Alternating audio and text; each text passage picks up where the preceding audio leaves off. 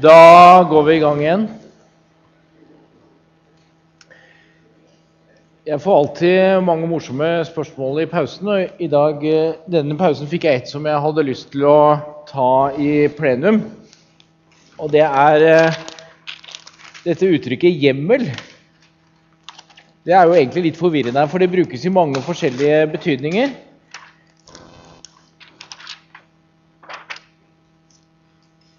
La oss se hvordan hjemmel brukes.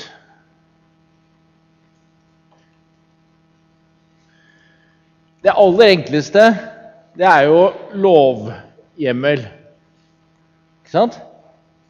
Eh, og det, eh, det, betyr rett og slett bare at man har grunnlag i lov. Og Det er den første betydningen av ordet hjemmel dere lærte. Og så har vi det som heter grunnbokshjemmel. Og Det er altså den som er registrert som eier. Og så har vi hjemmelsmann. Jeg har en kollega som insisterer på at det skal hete hjemmelsperson, men jeg syns det er litt vanskelig.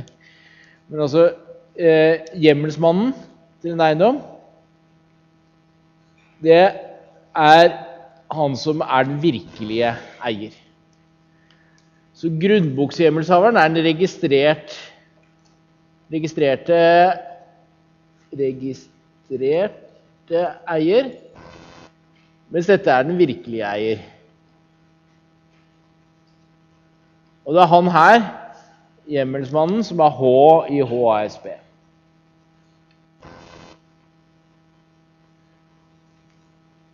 Det er jo selvfølgelig genialt at man bruker hjemmel i alle disse betydningene, men Eh, det er ikke så lett å endre språket. Eh, så, så, det tror jeg bare vi må klare å leve med. Eh, jeg prøver å være, være veldig klar på, på, hva jeg mener når jeg sier en sånn ting. Og bruke uttrykket en registrert eier og virkelig eier. Men det kan være kjekt å, å ha sondringene klart for seg.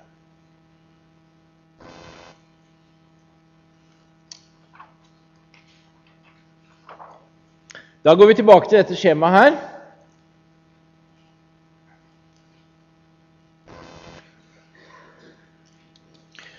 Og det vi ser, er at eh, hvis vi sammenligner de fem reglene jeg nevnte for panthavers vern mot tvangskreditorene, så samsvarer de ganske godt med de reglene som gjelder for en kjøpers vern mot tvangskreditorene.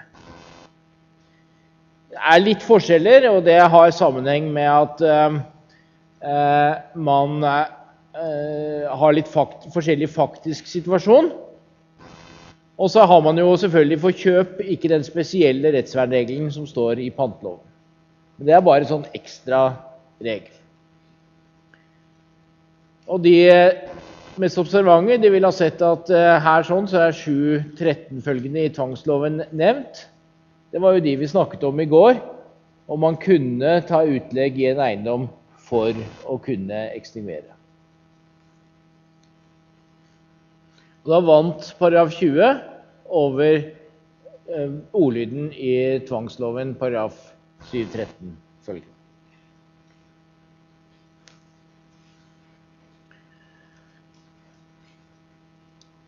Når vi har fått eh, etablert dette her, så har vi på en måte fått etablert det som er vitsen med panteretten, etter sånn som jeg har messet atskillige ganger nå. Da har panteretten vern mot et konkursbo. Da har den vern for særrettigheten sin. Men for at lykken skal bli fullkommen blant norske banker, og det vil vi jo alle gjerne, så må vi også sørge for vern mot konkurrerende panthavere og konkurrerende kjøpere. Folk som har, kjøper eiendommen uvitende om panteretten. Og da er vi i den konfliktsituasjonen her, typisk i rute E3 og 4.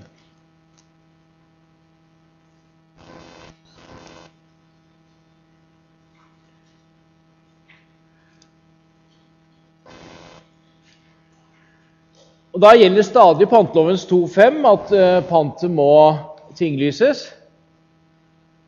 Men konfliktregelen står i tinglysningsloven. Og den er sånn at eh, først tinglys, best i rett. Men så gjelder et unntak i paragraf 21.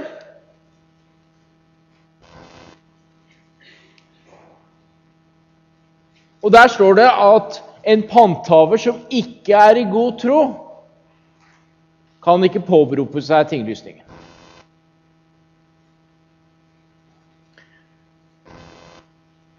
Og i de tilfellene så er det altså sånn at eh, når eh, eh Selv om panthaveren har fått eh, eh, en, eh, en, en rett og latt være å registrere den, så mister han den ikke Det er som den som registrerer først, visste om den første panteretten. Med andre ord, man kan ikke ekstingvere her som kjøper eller konkurrerende pantehaver når man vet om den første panteretten. Det er det som står i paragraf 21 i tinghusloven.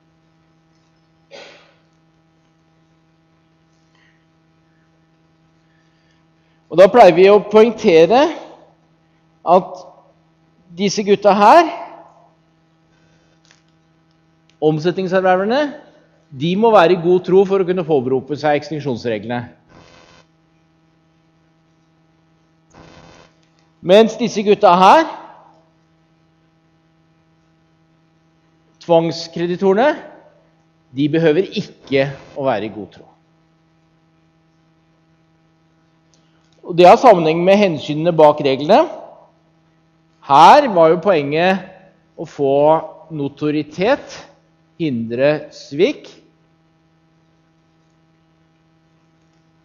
Her er eh, poenget at eh, de konkurrerende erververne skal kunne stole på det de ser i grunnboka. Og Når de vet bedre enn det som står i grunnboka, så er det ikke noe grunn til å la dem ekstingvere på grunnlag av grunnboka.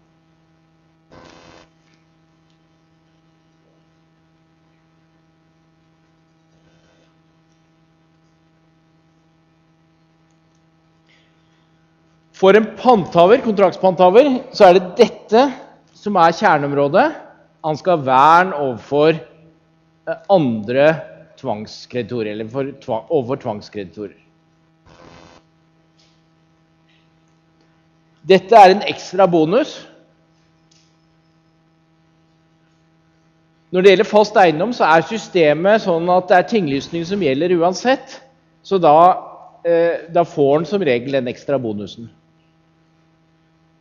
Men hvis dere tok inn over dere det jeg begynte å fortelle litt om forrige time, så er det altså i noen tilfeller hvor man ikke får denne ekstra bonusen. Husker dere den panthaveren som hadde pant ikke bare i eiendommen, men også i en veirett over en annen eiendom? Han kan risikere da at panteretten ekstingveres etter § 20 av en som erverver den andre eiendom.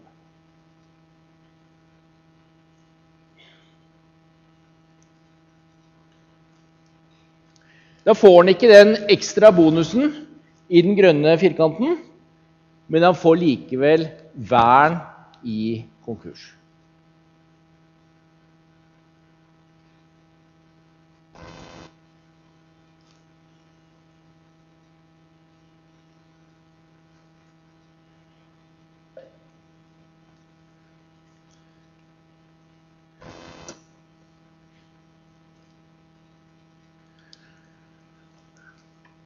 Så går vi over til H. Da blir det altså en HB-konflikt i HSB-modellen. Og sier at den virkelige eier av eiendommen er, eh, er førsteerverver eller ikke. Det er jo en smakssak. Nå har jeg dyttet han inn her for å få til å passe skjemaet. og kaller han førsteerverver. Han er i hvert fall tidligere enn de han kommer i konflikt med. Men poenget er egentlig at vi bryr oss ikke om hvordan han har fått eiendommen, og når han har fått den. Det bare er sånn han er rette eier. Og Hvis noen da forsøker å ta utlegg eller beslaglegge eh, en sånn eiendom i konkurs, så gjelder det at eh, tvangskreditorer ikke får større rett enn eh, skyldnere. Og For oss så er dette viktig når det gjelder utlegg. Altså regelen at man bare kan ta utlegg, skape utleggspant i eh, det som debitor eier.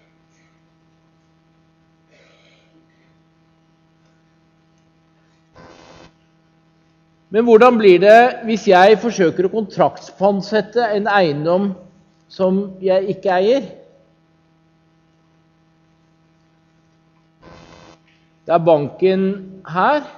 Den får kontraktspant. Og så er jeg A,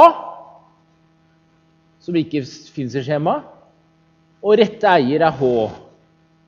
Da blir det en konflikt mellom rette eier H og kontraktspanthaveren. Er ved den ruten her. Det er rute nummer A4.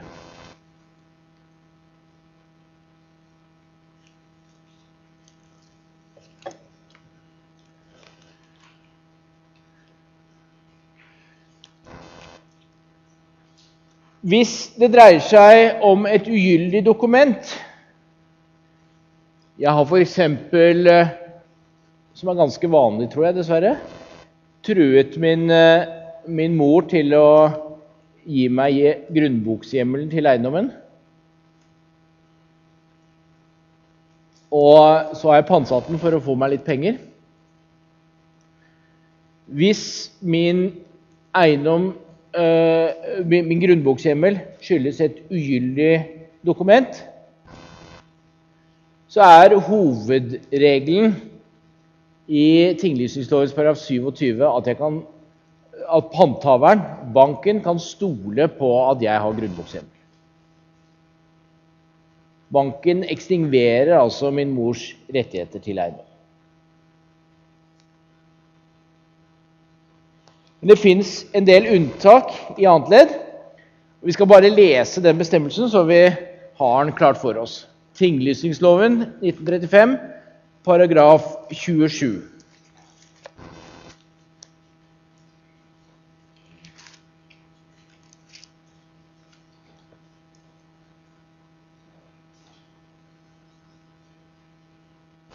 Så nå husker vi på Mora mi er den ordentlige eieren av eiendommen. Det er hun som eier den.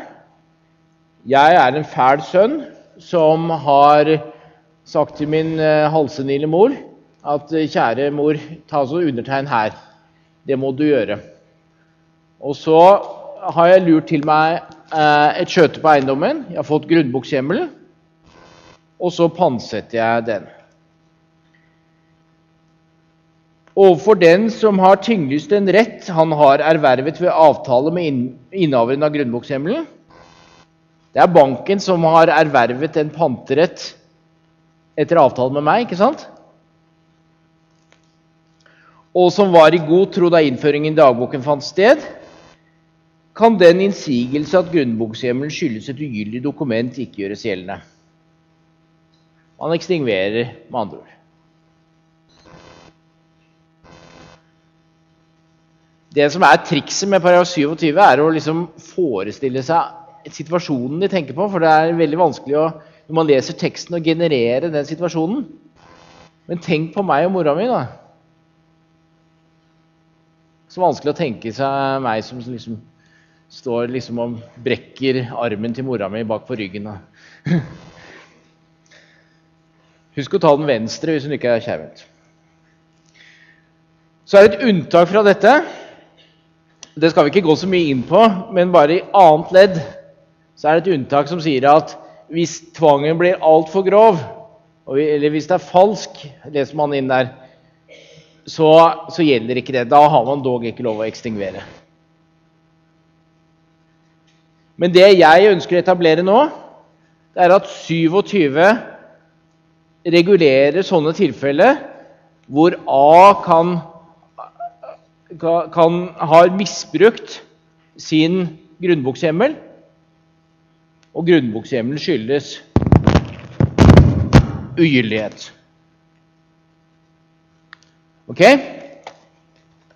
Enig i det at paragraf 27 hører hjemme i den ruten der da? En annen mora mi er rette eier, og kontraktspanthaveren er banken. De har stolt på grunnbokshjemmelen min.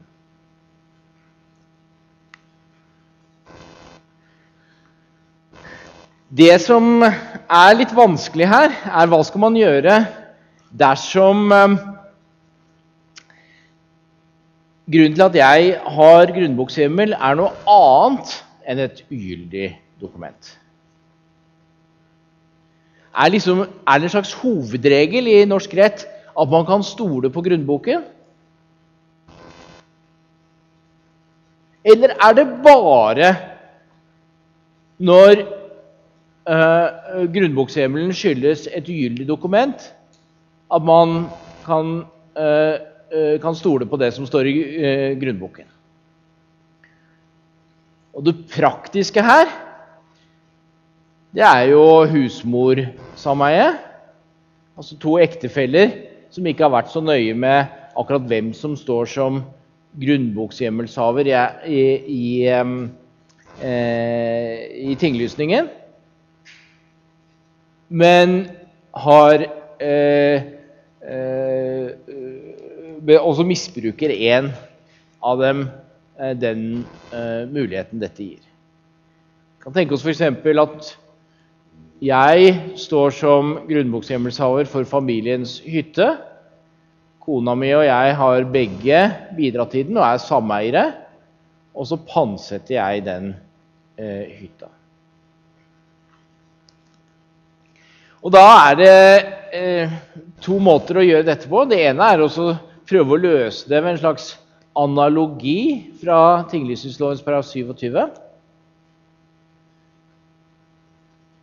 Og Det andre er å si at vi har et generelt prinsipp om at vi kan stole på grunnboka. Og så kan vi jo prøve å, å se om det er noe grunnlag for å uh, lage et unntak for dette prinsippet. Egentlig så passer jo paragraf 20 ganske godt på disse tilfellene. Og jeg skjønte ikke disse reglene, syns jeg, da, før jeg skjønte at paragraf 27 den var jo skrevet som en spesialregel for ugyldige dokumenter. Og egentlig i alle andre tilfeller så var det veldig greit å holde seg til paragraf 20. Eh, eller i hvert fall en eller annen tenkt hovedregel om at man kan stole på grunnboka som ser på høyesterettspraksis, så er den sånn at med mindre man har hjemmel i 27 annet ledd, så kan man stole på grunnboka i sånne tilfeller. Man kan komplisere dette veldig mye, men man kan stole på grunnboka etter rettspraksis i de aller fleste tilfeller.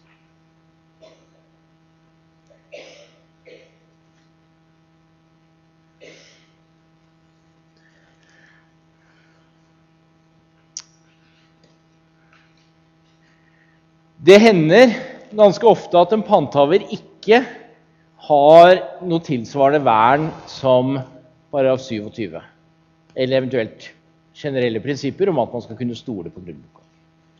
Jeg skal gi flere eksempler på det seinere i uka. Og igjen så ser vi at den muligheten her for å kunne ekstingvere den er en sånn tilleggsgreie. Det er et ekstra bonus. Det essensielle er det som er i den røde firkanten, at man har vern i konkurs. Lykken er å kunne sondre disse tilfellene fra hverandre. Og jeg kan ikke si ofte nok, men nå skal jeg ikke si det flere ganger, bare én gang til nå bruk dette skjemaet til å analysere hvilken konfliktsituasjon du er ute etter.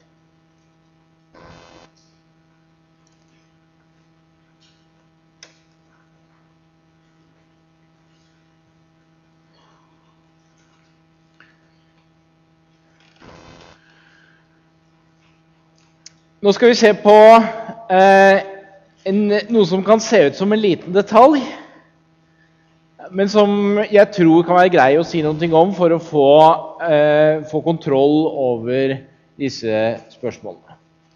Det er overdragelse av panterettigheter.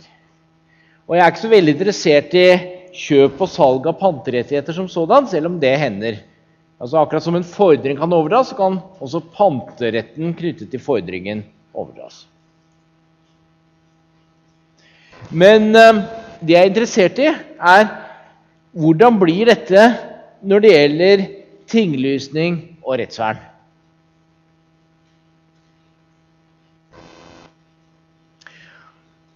Nå husker vi at eh, det var en slags pantedokumentasjon, ikke sant? Det kunne være et pantedokument som kunne være negosiabelt eller ikke negosiabelt. Det kunne være en obligasjon, et gjeldsbrev, eller det kunne være et skadesløst brev. Så nå tenker vi oss at eh, banken har pant i min eiendom. Og så ønsker den å bli kvitt sånne dårlige betalere sånn som meg, og så vil selge denne, dette lånet med panterett til f.eks. en annen bank. Må det da tinglyses? Da ser vi i tinglysningslovens paragraf 22.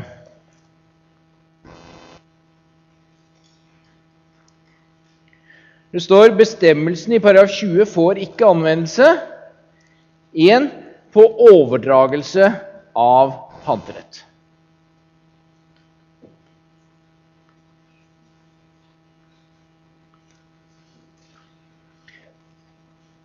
Så her har vi altså situasjonen hvor eh, pantet er tinglyst. Det er notorisk. Og da bryr ikke grunnboka seg med hvem som er rettighetshaver etter pantet.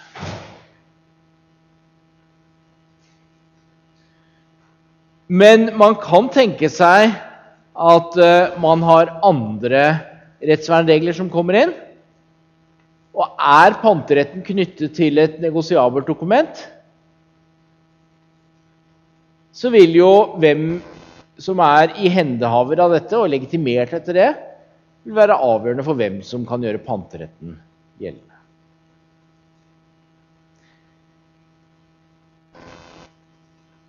Man kan altså selge en panteobligasjon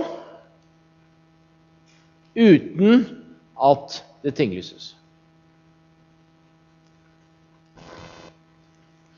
Dette fremstår som et unntak fra paragraf 20.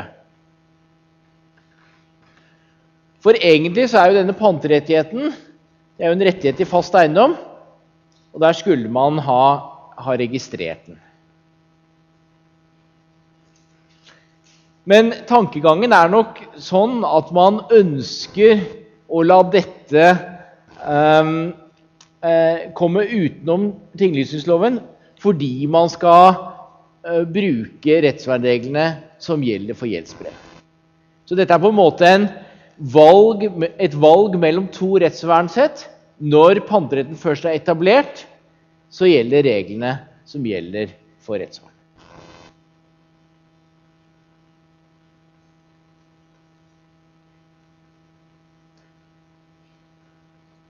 Så jeg, tror jeg sa feil nå, så gjelder reglene som gjelder for gjeldsbrev.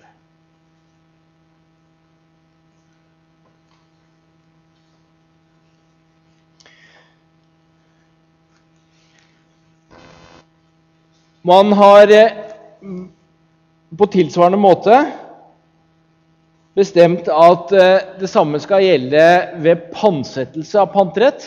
Da tar man skrittet helt ut og ser at Panteretten er på en måte, det har blitt en rettighet for seg sjøl. Det er ikke bare en rettighet i en fast eiendom, men panteretten tenker vi på som en rettighet i seg sjøl, og som kan pantsettes. Kalles frempantsettelse. Og eh, eh, eh, heller ikke frempantsettelse behøver alltid å registreres i grunnboka.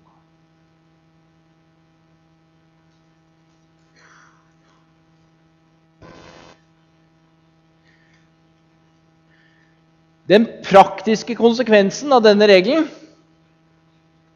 det er at man ikke alltid kan vite ved å se i grunnboka hvem som er panthaver, og hvem som er rettighetshaver etter en panteobligasjon. For den kan være overdratt. Ikke noe galt i det. Det vil si at man ikke alltid kan vite hvem som er rettighetshaver.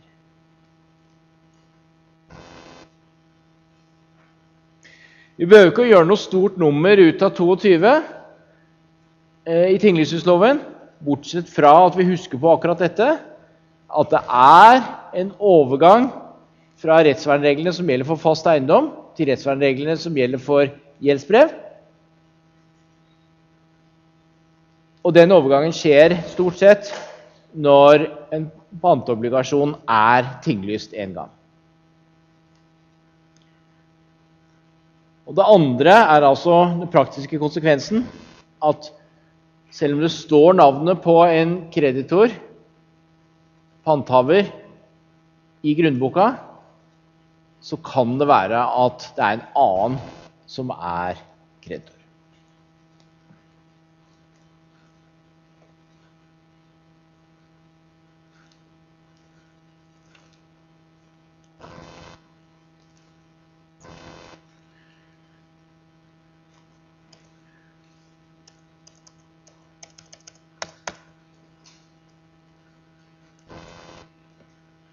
Jeg har, ehm, jeg har, en svart skjerm her og har litt problemer med dataen min i dag.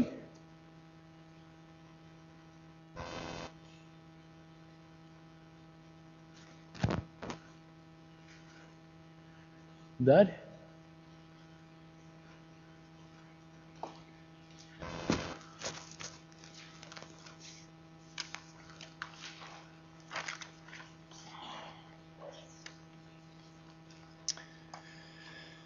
Vi skal nå se litt på eh, tomme prioriteter.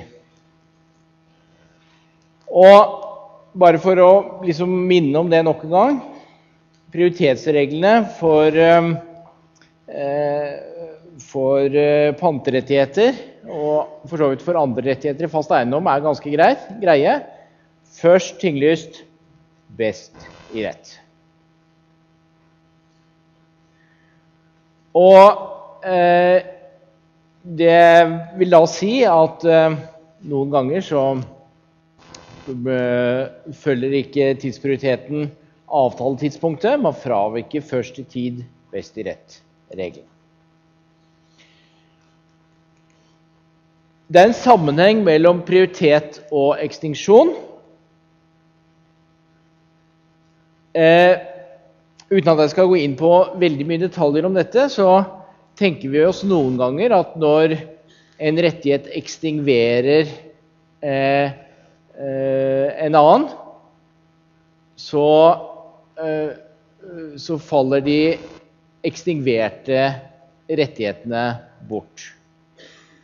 Hvis f.eks. en eiendom hvor jeg har en panter, uteligningslyst panterett, blir solgt, så vil min panterett falle bort. Men hvis det er en annen panterett og ikke en annen kjøpsrett som kommer foran, så vil resultatet bli at min panterett bare kommer etter den panteretten som ekstingverer min rett. Sånn at prioritet er et resultat av en prosess som bl.a. kan innebære ekstinksjon.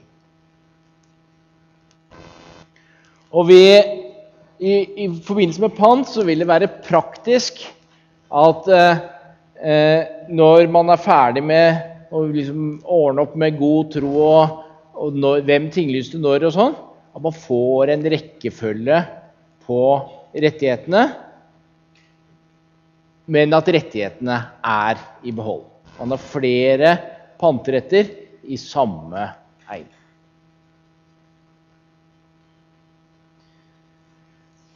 Og da får vi altså eh, en sånn prioritetssituasjon som vi har sett på tidligere. Og som vi skal jobbe litt med nå.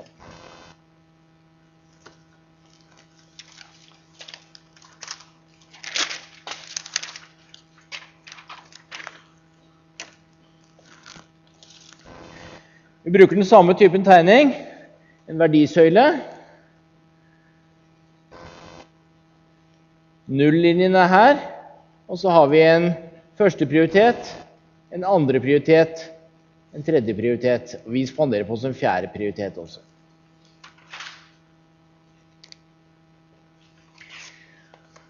Og det som er problemet, er jo for så vidt ikke selve prioritetsrekkefølgen, som altså kan være skapt ved ekstinksjon.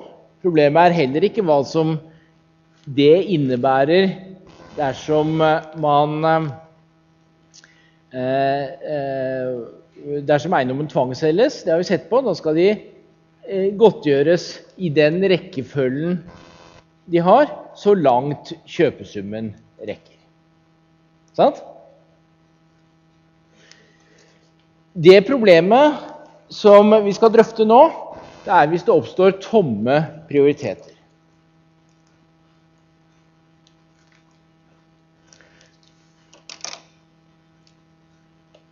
La oss nå si at uh, dette lånet her på førsteprioriteten er nedbetalt fra 100 000 til 75 000.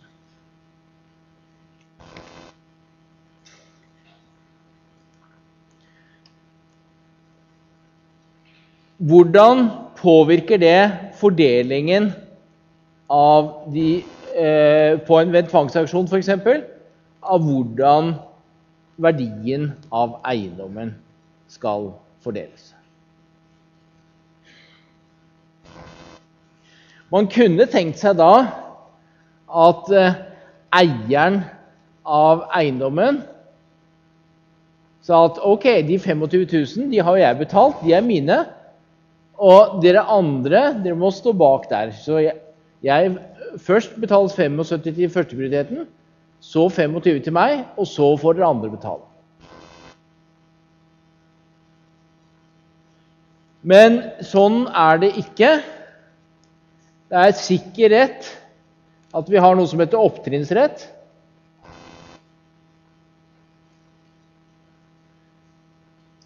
Som gjør at man fyller på nedover i rekkene.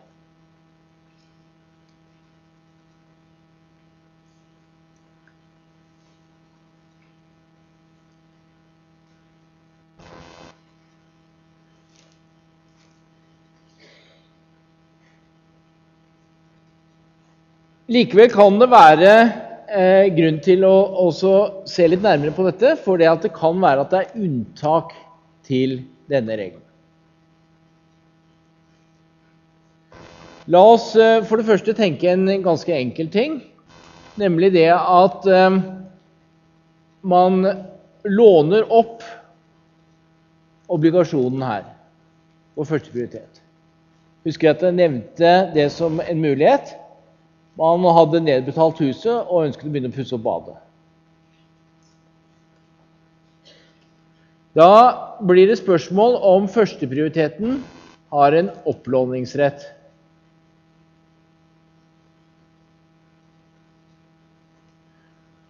Opptrinnsrett og opplåningsrett står mot hverandre.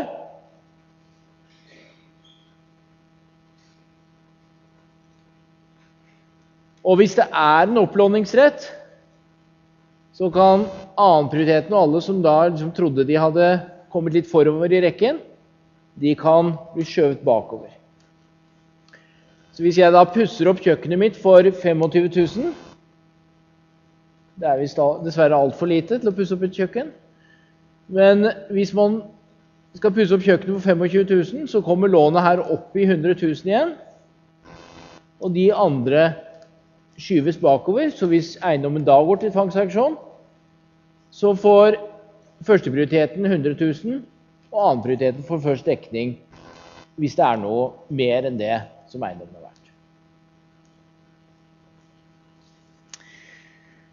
Det er et absolutt vern for annenprioriteten og de etterfølgende prioriteter, nemlig det at det, man må fastsette i um, Fastsette i uh, det som tinglyses, et maksimum. Og det følger av paragraf 1-4 i panteloven. Det kan man for så vidt sette så høyt man vil. Og det er også noen regler i 1.5 om man kan gå litt over det noen ganger. Bare litt. Men det er en viss forutberegnelighet. Men innenfor det maksimumet som panteretten på første prioritet eh, har fastsatt, så spørs, er spørsmålet om man ikke har en opplåningsrett.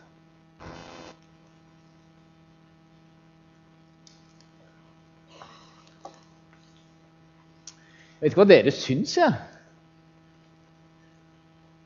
Det er jo litt synd på disse stakkarene som kommer bak i køen, og som eh, trodde at nå fikk de dekket fra 75 000 av, og så blir de skjøvet bakover. Det er liksom det ene, den ene tanken. Men den andre tanken er jo det at ja, førsteprioriteten Han har jo prioritet. Han har jo rett. Han har bedre rett enn alle de som står bak. Og da må han jo kunne bruke den retten sånn som han vil opp til det maksimum som gjelder.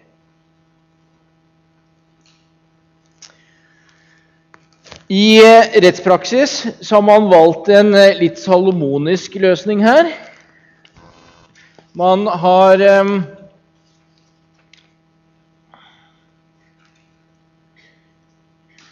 uh, sagt at eh, man har opplåningsrett men den må være lojal overfor de etterfølgende prioriteter. Man har opplåningsrett, det er utgangspunktet, men den må være lojal overfor de etterfølgende prioriteter. Og her har vi noe så flott som et prejudikat. Jeg syns egentlig dommen er nokså rettsskapende. Den heter Josef-dommen. Rettstidene 1994, side 775.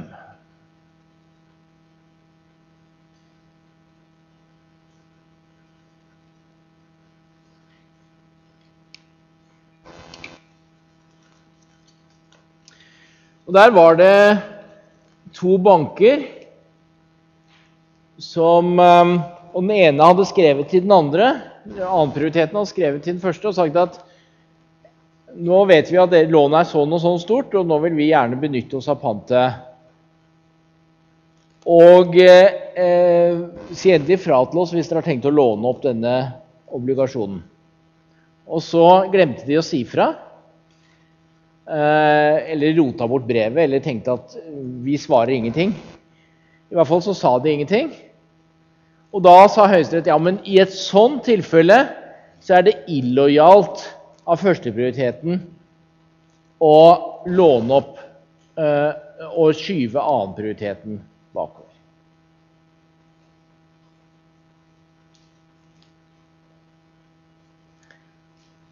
Dette var Sparebanken Nord. Og jeg hadde en viss pervers glede her om dagen av å fordi at eh, vi driver og baler veldig med en sånn eh, gammel eiendom i, i Vellet, der hvor jeg eh, bor. Eller har en eiendom. Og den saken var den at det er et bitte lite friområde, og vi, vi hadde kommet, sjekket grunnboken. Står det noe på den? Og da var det faktisk et, et pant på 80 millioner kroner fra gammelt av. For dette hadde vært et utparsleringsfelt og så lån der. Og det var til Sparebanken Nord, da. Og så, og så vil vi gjerne ha slettet dette pantet. Men så var det så vanskelig å liksom finne dokumentene og alt mulig sånt noe.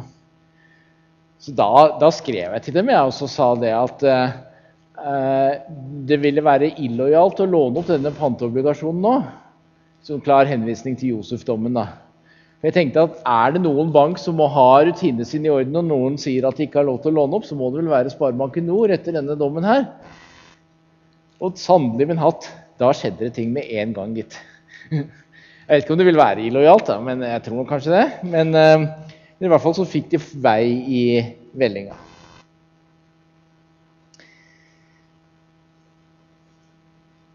Hvor har de denne lojalitetsregelen fra? Den står jo ikke i uh, tinglysningsloven. De reglene om prioritet står ikke der i det hele tatt. står ikke noen tomme prioriteter der. Nei, jeg tror de bare syns at det var en god regel. Og det er jo innmari vanskelig å si at når Høyesterett har sagt at man skal være lojal, er at nei, man skal ikke være lojal. For alle vil jo være lojale.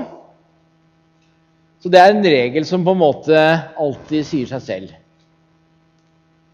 Det er jo et kjent advokattriks. Hvis man bare kan få noe til å bli illojalt, så, så får man folk med på at det må man ikke gjøre. Men la oss snu på flisa, da.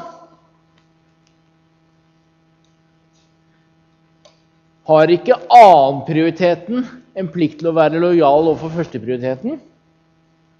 Tenk om førsteprioriteten hadde sagt Det er veldig illojalt av annenprioriteten å prøve å hindre oss i å bruke vår opplåningsrett. Det finner vi oss ikke i. Det er klart at vi har bedre prioritet, og vi har rett til å, å benytte oss av opplåningsretten. Jeg har litt mer sans for det, men Høyesterett hadde altså mer sans for at førsteprioriteten skulle være lojal overfor de med dårligere prioritet, enn at de med dårligere prioritet skulle være lojal overfor de med bedre prioritet. Og det er gjeldende rett.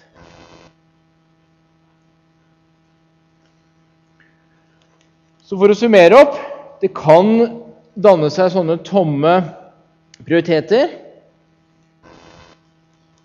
Ved tvangsaksjon så rykker folk fremover.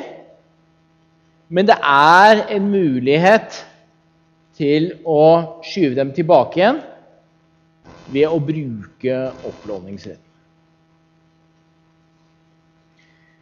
Unntaket er når det er illojalt. Det er tydeligvis illojalt å bruke opplåningsretten når man har eh, fått et brev om at eh, det kommer eh, noen på andre prioritet. Dette dreide seg ikke om fast eiendom, den Josef-dommen, så det er derfor de drev og sendte brev til hverandre og sånn. Det kan vel være andre tilfeller òg, men Høyesterett nevner også tilfeller hvor det er klart lojalt å låne opp, eller hvor man har rett til det. Og det er det hvis eh, man må betale ut mer av lånet her på førsteprioriteten for å berge sitt engasjement. Og skoleeksempelet er byggelån. Man betaler ut litt og litt. Og hvis man ikke fortsetter å betale, så blir bygget stående halvferdig. Og det er katastrofalt, for er det noe som selger dårlig, enda dårligere enn andre bygg i dag, så er det halvferdige bygg.